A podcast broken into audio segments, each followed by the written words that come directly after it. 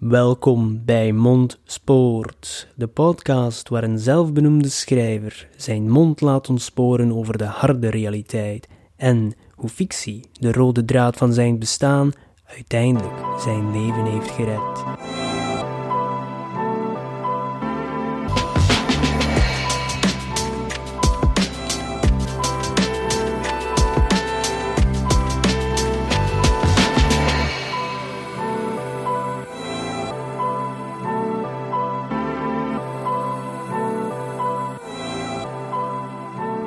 Iedereen, welkom in alweer een nieuwe aflevering van Mond Spoort en vandaag doen we een Q&A, vraag en antwoord. Ik heb op sociale media een post gezet ja, met de vraag of jullie vragen hebben voor mij.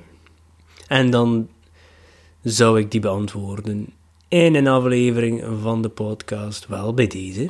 Ik heb ook nog in een vorige aflevering de vraag gesteld dat er mensen kunnen mailen naar mondspoort.gmail.com. Die aflevering was al opgenomen voor ik het op mijn socials zette. Dus als er daar nog vragen toekomen, dan zal ik die zeker beantwoorden in een volgende aflevering. We gaan eens kijken naar de vragen. Ik heb ze natuurlijk al gelezen en ik heb al wat in mijn hoofd qua antwoord. De eerste was eigenlijk: wat zijn uw volgende projecten? Dus qua schrijven. Maar eigenlijk heb ik dat een klein beetje beantwoord al in een vorige aflevering, maar die persoon weet dat dus niet. Ik zal ze voorlopig anoniem houden als de mensen die de vragen gesteld hebben zullen vast en zeker hun vragen wel herkennen. Jullie mogen dat zeker delen op sociale media als jullie niet anoniem wensen te blijven. Dus die heb ik een beetje beantwoord in een vorige aflevering, dus daar kun je het antwoord horen als je die aflevering nog niet geluisterd hebt. In het kort, momenteel heb ik drie manuscripten. Eentje die 60% af is, de andere twee zijn uh, volledig af, toch de eerste versie. Maar nu is het een beetje zoeken, ja, welke wil ik op de markt gaan brengen. Ik verwacht niet meer in 2023. De trilogie is klaar. Twee uitgekomen in 2022, één in 2023. Dus ik denk dat het volgende boek pas in 2024 gaat komen. Uh, maar zeg nooit nooit. Dus ik ben bezig met andere manuscripten. Het zijn allemaal verschillende genres. één thriller, één urban fantasy en één jeugdboek sci-fi. Het langere antwoord kan je horen in de vorige aflevering. Dan een andere vraag was: zal je ooit nog terugkeren naar de kloof? Ik heb die vraag al meerdere keren gekregen. Dus wel een goed platform om deze nog eens te beantwoorden. Ik zou zeer graag nog eens terugkeren naar de kloof, want het is een wereld die ik gecreëerd heb waar ik echt wel van beginnen houden heb. De kloof staat ook symboliek voor iets anders dat komt in een volgende aflevering. Ik wil nog niet te veel weggeven, want de mensen die nu luisteren zullen natuurlijk het derde boek nog niet gelezen hebben. Dus ik hou dat liever dan voor wanneer het een tijdje uit is. Maar ja, ik heb natuurlijk wel nog ideeën om terug te keren naar de kloof. Eh, er zijn daar nog andere personages die misschien uh, hun eigen verhaal verdienen. Misschien in het verleden van de kloof, misschien in de toekomst van de kloof. De mogelijkheden zijn eindeloos. Uh, het is geen fantasy, maar het heeft wel een beetje van die worldbuilding elementen van fantasy. Het is onze wereld, maar ik heb toch wel een aantal zaken uitgevonden. Gewoon omdat ik dan meer kon spelen met de geografie van de straten, van de layout, van hoe de stad in elkaar zit, de verschillende klassen tussen rijk en arm, kon ik allemaal zelf uitvinden en speelde ik volgens mijn eigen regels. En dat is natuurlijk heel leuk als schrijver om alles zelf uit te vinden en niet gebonden te zijn aan bepaalde locaties. Dan de mensen gaan dan automatisch zeggen, maar dat is niet juist, of dat herken ik wel, dat herken ik niet. Of moet je natuurlijk ook heel veel research gaan doen over die bepaalde plaats. En ja, het, is gemakkelijker als je het zelf uitvindt. Call me lazy. Dus ja, de kloof, eh, geen concrete plan, maar ik heb echt ook wel leuke ideeën voor een aantal kortverhalen, maar ook voor volledige boeken. Of die er ooit gaan komen.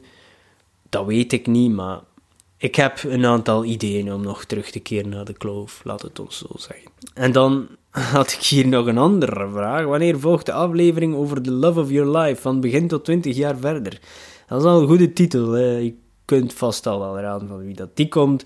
Van mijn echtgenote. Ja, een goed idee om uh, voor een aflevering. Ik weet niet of de mensen daar geïnteresseerd in zijn, want het is natuurlijk een interessant verhaal met ups en downs. We kennen elkaar al 20 jaar, dus uh, dat is eentje om over na te denken. Dan moet ik ook uh, eens bespreken wat er wel en niet mag gezegd worden, natuurlijk. en dan was er ook nog een andere vraag. Hoe balanceer je het schrijven met ja, uw dagelijkse taken? En ja, ik heb natuurlijk ook nog andere zaken lopen, zoals de podcast en YouTube. En heel moeilijk om dat, want sommige dagen lukt dat beter dan andere dagen planning is heel belangrijk, maar die laat ik soms ook liggen en dan is het ook soms uh, alleen provist. dat is eigenlijk ook iets waar ik een, een YouTube-video wilde over maken, volledig dedicated en of een podcastaflevering om een keer dat uit de doeken te doen. Maar basically, je hebt het schrijven, je hebt het uitgeven. Dat zelfpubben neemt ook heel veel tijd in beslag. Gelukkig ben ik een redelijk snelle schrijver in die zin van, ik kan consistent schrijven. En ik hoef ook niet echt op een stille plaats te zitten om te schrijven. Dus dat is eigenlijk, dat schrijven neemt eigenlijk het minste tijd in beslag. Want ja, ik kan gewoon ergens zitten en dan misschien een honderd woorden tikken en dan weer gaan praten met iemand en dan weer... Ik heb mezelf een beetje getraind om in vele situaties te kunnen schrijven. Maar eigenlijk het meeste van het schrijfwerk gebeurt wanneer je niet voor de laptop zit. Dat gebeurt wanneer dat je aan het rijden bent, wanneer dat je aan het wandelen bent, wanneer dat je in de douche staat. Eigenlijk die momenten, wanneer dat je natuurlijk geen ander scherm voor je hebt, wanneer dat je echt gewoon tijd hebt om na te denken over je verhaal. En laat dat allemaal maar stoven, sudderen in je onderbewustzijn en dan komt dat naar boven wanneer dat je voor de laptop zit. Ik maak natuurlijk ook een korte synopsis met kleine events per personage en dan per hoofdstuk weet ik altijd dan naar waar ik naartoe moet. Dus eens dat ik al die dingen dan heb, ga ik beginnen schrijven. En dan kan ik soms wel in een half uur, een uur, 500.000 woorden schrijven. En ik probeer dat te doen op dagelijkse basis. Dat lukt niet altijd, maar ik probeer wel 4.000 à 5.000 woorden per week te halen. En eigenlijk is dat maar, als je echt de tijd voor de laptop zet, is dat misschien 5 à 6 uur. En dan natuurlijk uh, hebben we het YouTube gegeven en de podcast. Ik heb ook proberen zoveel mogelijk op voorhand te doen.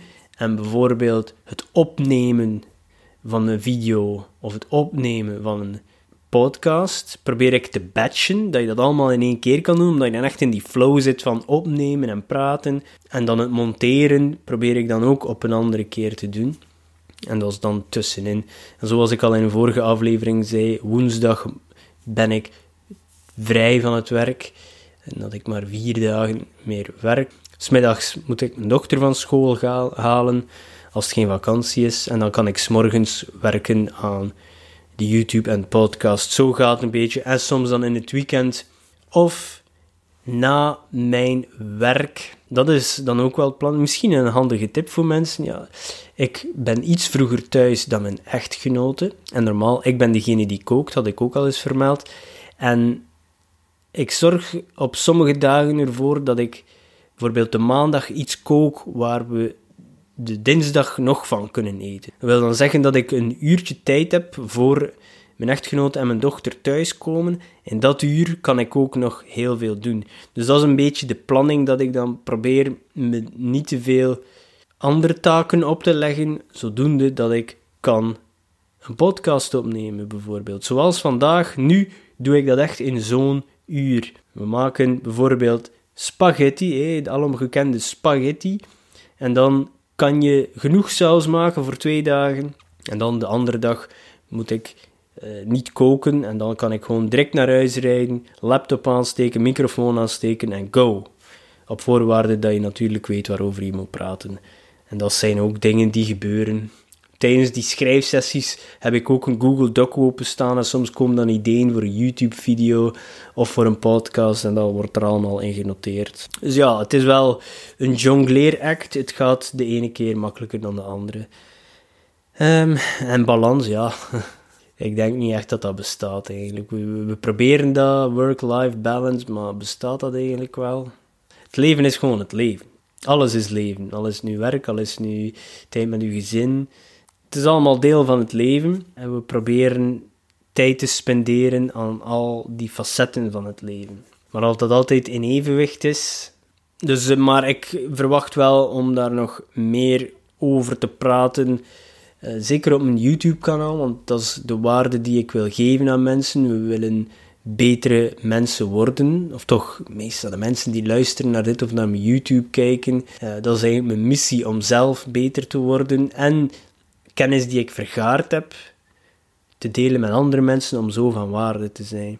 En ik denk dat daar ook waarde in kan zitten, hoe mensen efficiënter kunnen plannen of efficiënter kunnen creëren.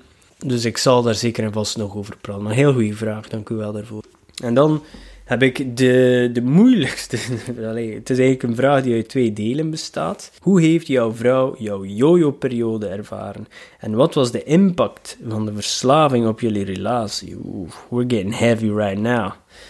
Uh, nu kan ik daar al een klein beetje mee lachen of luchtig over zijn, omdat we natuurlijk bijna twee jaar nuchter zijn je hebt natuurlijk het voordeel van achteruit te kijken. En het wordt altijd maar moeilijker en moeilijker om me in die situatie te verplaatsen, wat eigenlijk een goed teken is. Wil zeggen dat ik me beter voel en niet meer in die donkere mindspace zit. Uh, mensen die mijn eerste boek gelezen hebben, toen zat ik er echt nog heel dichtbij en kon ik die gevoelens echt nog goed oproepen en aanspreken en dat op de pagina zetten. Het wordt altijd maar moeilijker, wat dat op zich een goed teken is. Ik heb natuurlijk de eerste keer uh, die vraag ook aan haar gesteld. Misschien dat mijn echtgenoot ooit een keer uh, als gast op de podcast komt. Uh, toekomstplannen. Het korte antwoord van de jojo-periode is: ja, ik was iets zwaarder, er was meer van mij om graag te zien. dat is het, het, korte antwoord. Maar inderdaad, ze herinneren me wel een aantal dingen die ik misschien al vergeten was. Zoals ik al zei, ik kook. Dus ik kookte hoog op smaak, zoals ik in die afleveringen heb gezegd. En zij had altijd mee. Natuurlijk, uh, zij heeft iets beter metabolisme dan ik. Zo van die mensen die niet te veel aankomen bij het. En zoals ik zei, ik moet nog maar kijken naar een boterkoek en ik kom al bij. Dus uh, wanneer dat ik dan natuurlijk die gek diëten probeerde, ja, kookte ik dat ook. En ja, moest zij dan natuurlijk uh, ook soms mee eten. En dat was misschien niet altijd zo plezant voor haar. Hè. Er was zo een tijd dat ik eh, keto- of proteïnedieet probeerde en aardappelen en pasta en rijst vermijden. Dan was dat gewoon bijvoorbeeld biefstuk met gekookte bonen of kip met paprika, maar zonder rijst of aardappelen. Ja, niet echt appetijtelijk. Dat is goed voor één keer, maar ja, dat is wel een aantal keer voorgekomen. Dus ze zei al sinds tegen mij dat ze dat nooit meer gaat vergeten. En ik denk dat ze daar ook een beetje een uh, afgunst gekregen heeft van die dingen. En uh, dat wordt eigenlijk bijna niet meer gemaakt uh, in het huis. maar natuurlijk, je ziet je, je partner up en down gaan. Een keer 20 kilo bij, 20 kilo af. Maar als je elke dag bij elkaar zit, valt dat ook minder op. En we waren dan ook veel jonger. Hè. Op mijn zwaarste dan was ik 21, 22. Dat is ondertussen meer 13 jaar geleden dan denk je daar ook niet aan. We woonden nog maar net alleen en we konden eten wat we willen. We gingen op reis waar we wilden. We hadden nog geen kinderen. En stonden we daar. Eh, ik stond alvast niet zo stil bij mijn gezondheid, zeker niet in het begin. En, en zij eigenlijk was daar misschien ook minder mee bezig. Ik denk als er iemand je een aantal maanden niet meer gezien heeft en dan eh, ben je 20 kilo bijgekomen, dan die mensen misschien gechoqueerd gaan. Eh, sommige mensen durven dat dan ook zeggen. Niet iedereen durft dat. En zij is daar ook een van. Het is moeilijk om te zeggen tegen iemand van... Oké, ja, uh, schatje, ja... Je bent uh, wat bijgekomen, uh, je gaat misschien toch moeten opletten. Ja, dat is niet gemakkelijk, hè. En zeker niet als je 1,22 bent. Misschien hoe ouder je wordt en hoe langer je bij elkaar bent, hoe makkelijker dat wordt om zoiets aan te kaarten zonder echt mensen te gaan kwetsen. Maar ja, de maatschappij heeft er ook voor gezorgd dat sommige van die dingen moeilijk bespreekbaar zijn. Dus dat is soms nog een beetje het taboe. Maar eigenlijk een kilo meer of minder maakt eigenlijk niet uit. Als je goed voelt in je vel. Je kan te mager zijn, je kan overgewicht hebben. En als je nog altijd goed voelt, fysiek en mentaal, je ervaart geen nadelen, dan is er niks aan de hand. Maar ja, ik voelde mezelf niet zo goed. Uh, dus voor mij moest er wel iets gebeuren. En natuurlijk, ja, was met uh, trials en error, up en down. Uh, ik probeerde altijd de snelste manier te vinden om, om gewicht te verliezen. En dat lukt dan ook, maar het afhouden lukte dan niet. De jojo-periode, zoveel mensen ervaren dat. Op zich had zij daar geen probleem mee, behalve dan die biefstuk met die bonen. Die zal ze nooit meer vergeten. Wat was de impact op jullie relatie van de verslaving? Dat is een loaded question. Natuurlijk, we kennen elkaar al meer dan twintig jaar. We hebben nog naast elkaar gezeten op de schoolbanken. Zo hebben we elkaar leren kennen. Dan moet dat misschien ook in die aflevering die zij voorstelde aan bod komen. We zijn high school sweethearts en we zijn door dik en dun gegaan. Maar ik was toen al eigenlijk, uh, ja, ik moet eerlijk zijn, ik heb al gezegd, ik heb mijn school niet afgemaakt, ik heb geen di middelbare diploma. Ik was niet altijd de enlightened persoon die ik nu ben. nu ben ik dat ook niet, maar ik heb een lange weg afgelegd. Dus eigenlijk, ja, ik was misschien wel een beetje de bad boy. Dus ze wist ook wie ik was. We gingen ook samen graag feesten, we gingen graag uit. En voor veel mensen is dat nooit geen probleem. Dat kan verder gaan totdat je zelfs kinderen hebt. En soms ga je dan nog een keer weg, veel minder dan vroeger. En iedereen is happy, joy, joy. En we drinken af en toe, we gaan een keer op het terrasje. En zo is dat ook jaren gegaan. Maar bij mij begon dat te bouwen en te bouwen, ja, je krijgt een tolerantie voor alcohol. Je hebt altijd maar meer nodig om hetzelfde gevoel te hebben. Maar bij mij waren dat natuurlijk misschien mentale problemen die ik daarmee probeerde te verdoven. Ja, dat zijn dingen die je meedraagt in je leven. En eens dat je dan begint te drinken om stress te vergeten of gewoon om verder te kunnen gaan zoals je bezig was, want dat was eigenlijk hoe ik zo ver kunnen komen heb. Ik heb nog niet zoveel in detail over gepraat, maar dat was gewoon... Ik was te dun uitgespreid en ik wilde voor iedereen goed doen. En dan drink je een keer de vrijdagavond en dan heb je de zaterdag een kater en dan drink je nog een keer en je vindt dan, oh, maar die kater is blijkbaar weg als je drinkt. En dan de zondag ga je op bezoek bij familie en daar doe je nog een keer hetzelfde. En dat lukt. De maandag heb je dat wel een beetje kater, gaat werken, maar geen probleem.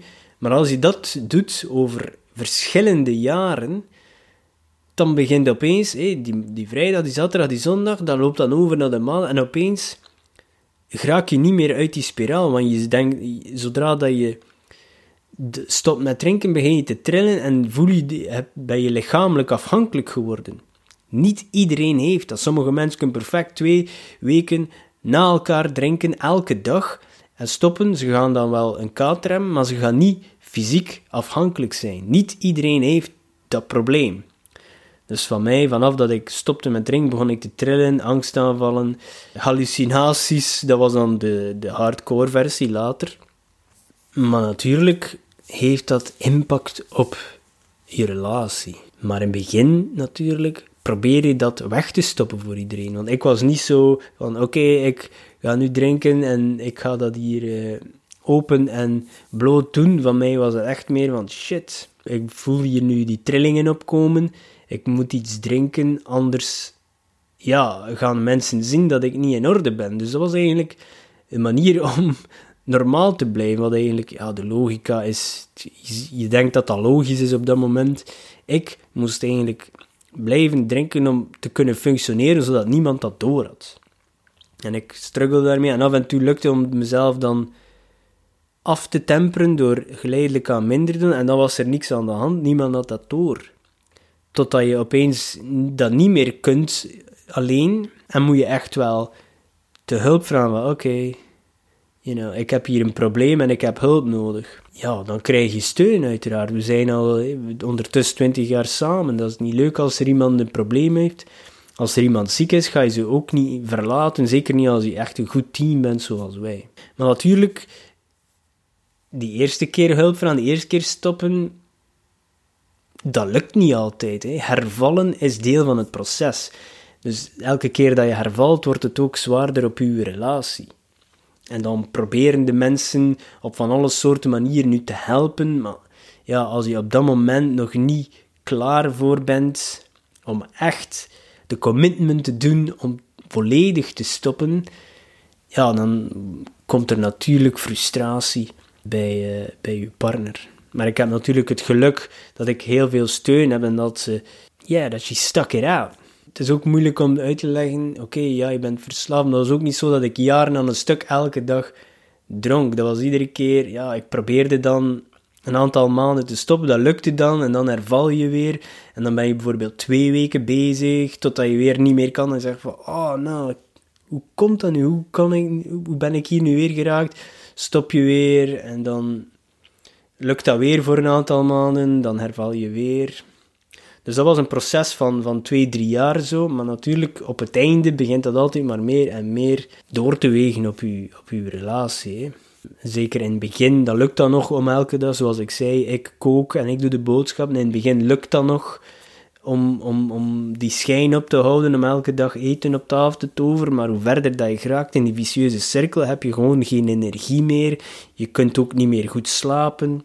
En dan op een dag staat het eten niet klaar als ze thuiskomen. En dan, ja, die functionele alcoholist is, is geen functionele alcoholist meer. Dus, ja, dan wordt het heel moeilijk natuurlijk. En het is niet leuk om iemand te zien afzien die je graag ziet. Er zijn veel verschillende scenario's bij mensen die zo'n relatie hebben. Ja, mensen die agressief worden als gedrongen. Gelukkig is dat bij mij niet zo. Het enige dat ik, ja, ik, voor mij was het vooral schaamte. Ik, ik probeerde dat weg te stoppen. Ja, en dan lieg je natuurlijk soms ook een keer als ze vragen van heb je gedronken? Nee, en dat is natuurlijk hetgeen die het meeste kwetsen is. Maar ik loog ook tegen mezelf. Ik probeerde altijd te stoppen en dat, dat lukte gewoon niet en ik wist niet hoe ik eruit ging geraken. En, achteraf bekeken, soms weet je nog niet hoe het lukt. Het is gewoon door constant afvallen en ik denk dat je dan op een dag gewoon moe bent van moeten zijn. Omdat het leven je zodanig veel keer tegen de grond geslaan heeft. Wat is hetgene met alcohol? Je brein probeert dat altijd te romantiseren. Van, ah, weet je nog, die nachtelijke feestjes of die gesprekken met vrienden. Of weet je nog, uh, dat terrasje. En als het mooi weer is, dan doen we barbecue. En in België is dat gepaard met drinken en pinten. En het is overal in de maatschappij, dus je raakt er heel moeilijk van weg. Ja, dan probeer je iedere keer die leuke momenten herbeleven. Oké, we gaan nog een keer eentje proberen te drinken. Maar ja, als je verslaafd bent, dan lukt dat niet. Die eerste, vanaf dat je dat doet, ja, is, is het gedaan. Dan kan je eigenlijk niet meer stoppen, er is geen rem.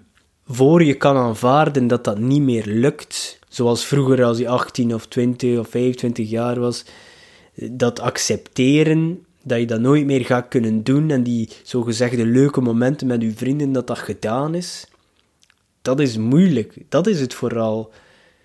En je moet een paar keer, zoals ik al zei, tegen de grond geslaan voordat je beseft van oké, ja, nee, dat gaat hier niet meer lukken. Ze zeggen altijd, de ezel stoot zich geen twee keer tegen dezelfde steen, maar een mens moet soms een paar keer echt met zijn hoofd tegen de muur lopen om te beseffen, oké ja, staat hier een muur, ik zou er beter niet meer tegen lopen. De positieve dingen van alcohol, die plezierige avonden, wogen eerst meer dan die negatieve dingen zoals een kater. Maar hoe meer en meer je eigenlijk in die miserie komt, beginnen die slechte herinneringen meer te wegen dan die goede herinneringen. Dan zie je opeens van oké, het is mij niet meer waard. Ik heb verplichtingen hey, op het werk, ik heb verplichting tegenover mijn gezin, ik zou hier graag nog lang zijn om mijn dochter te zien opgroeien. En op de manier dat je bezig bent, ja, dat gaat niet lukken. Dus je moet echt wel die klik maken om echt ervoor te gaan en niet te zeggen van oké, we gaan nu een keer vier maanden stoppen en dan nog een keer proberen. Dat gaat niet. Dat lukt dan één weekendje. En dan het volgende weekend sta je weer even ver en dan opeens drie weken later zit je weer volledig in die vicieuze cirkel. Volledige abstinentie is de enige manier om te gaan. En dat wist ik al de eerste keer toen ik professionele hulp zocht, zijn ze dat wel. En ik, ik wist dat diep van binnen, maar toch probeer je een mens zoekt altijd naar shortcuts. Oké, we gaan een keer een half jaar, we gaan een keer drie maanden diëten en dan gaan we hetzelfde doen als voorheen en denken dat we even mager gaan blijven. Dat we die kilo's niet terug gaan krijgen. En dan denk je, ik ga drie maanden stoppen en dan ga ik weer opnieuw beginnen en, denk, en hopen op een ander resultaat. We doen eigenlijk altijd hetzelfde en we hopen altijd op een ander resultaat. Maar dat kan niet. Als je hetzelfde doet, ga je hetzelfde resultaat krijgen. Simple as that. En natuurlijk weegt dat heel zwaar op de relatie. Heeft zij ook heel zwaar ervaren, maar gelukkig zijn we eruit gekomen samen, sterker als een team. En ik denk dat we nu sterker zijn dan ooit. En we waren al heel sterk, want we hebben alle, alles samen meegemaakt. En uh, we zijn klaar om nog heel veel mee te maken, hoop ik. En wie weet beantwoordt ze ooit een keer zelf die vrouw de podcast. Ik heb het nu beantwoord voor haar. ik heb het wel gevraagd aan haar, eh, maar er zullen vast en zeker nog andere dingen zijn die ik misschien nog niet wil horen. Ik weet nog niet of ik klaar voor ben. Maar ik zal daar nog vaak over praten, want daar, nou, het is zo moeilijk om dat te overwinnen. Ik, als je het niet hebt meegemaakt... Ik had nooit van mijn leven gedacht dat ik eh, zo ver zou kunnen komen. En ik denk van veel mensen dat dat hetzelfde is. Niemand heeft de droom om later eh, verslaafd te worden aan gelijk welke substantie. Uh, maar daaruit geraken eens dat het zover is, is enorm moeilijk. Ik, je kan het heel moeilijk uitleggen, maar ja man, het is het moeilijkste dat ik ooit gedaan heb. En tegelijkertijd, nu staan we bijna twee jaar verder. Nu lijkt het makkelijk, maar het waren een aantal zware jaren. Zonder een goed uh, systeem, die, uh, mensen die achter u staan, is het heel moeilijk om eruit te geraken. Moest ik bijvoorbeeld heel alleen geweest zijn, dan, ja, dan was ik een vogel voor de kat volgens mij. Uh, je moet het uiteindelijk zelf doen. Er is niemand anders die het kan doen. Gelijk wat ze zeggen, iedereen probeert je te helpen. Is het nu tough love? Is het nu echt liefde? Of is het echt professionele hulp? Je moet zelf de klik maken om het te doen. En dat is niet zomaar gewoon zeggen van ik ga het nu doen. Iedereen's proces is anders. Dat kan zijn rock bottom. Spijt genoeg is het meestal zo dat mensen echt een paar keer volledig aan de grond moeten staan voor ze het beseffen. En dan, als je het geluk hebt, ben je nog in leven en in goede gezondheid. En dan kan je er werk van maken. Maar het is enorm moeilijk. Ik heb niets tegen iemand die drinkt, want ik deed het ook graag. Maar eigenlijk is het wel een vergif die verantwoordelijk is voor heel veel problemen in onze maatschappij en voor heel veel miserie. En ik denk de goede momenten, zoals ik zei, nu wegen voor mij de slechte momenten veel meer dan de goede momenten met alcohol. Maar ik denk, als ik bekijk naar de maatschappij, ik denk dat die weegschaal daar toch ook niet zo goed zit hoor. Want ik denk dat er ook veel meer slechte dingen gebeurd zijn door het uh, goedje dan echt wel positieve dingen. Maar ja, dat is nu eenmaal de maatschappij waarin we leven en het is moeilijk om iets slechts te zeggen over alcohol, zeker in de westerse wereld, waar mensen zo graag hun eigen bier maken en brouwen en stoken en alles is mooi uh, reclame van gemaakt en drink met verstand. Allee, iedereen weet ook wel vanaf dat je gedronken hebt dat je verstand uh, een, een tikkeltje lager draait. Ik vergelijk het altijd met de Amerikanen en hun geweren. Ze worden ook altijd heel defensief als je nog maar durft te impliceren dat je hun geweren zal afpakken. Wel, hier is dat hetzelfde voor die pint. Maar vraag je dan een keer af waarom. Maar ja, als je geen probleem mee hebt, doe gerust verder. Maar uh, er zijn andere substanties die misschien minder erg zijn, die dan niet legaal zijn. En daar stel ik me toch wel heel veel vragen bij. Maar dat is misschien voor een andere keer. Maar ja, de relatie heeft het overleefd en uh, het was moeilijk. Maar gelukkig hebben we elkaar doorgesleurd. Dus zonder haar zou ik er misschien niet meer zijn. Zo, u wel, Cappy. Daarvoor is ook mijn eerste boek On Sport uh, aan haar toegewijden. Toegewijden? Oh man, ik zou toch beter moeten kunnen spreken voor iemand die schrijft. Wat staat er?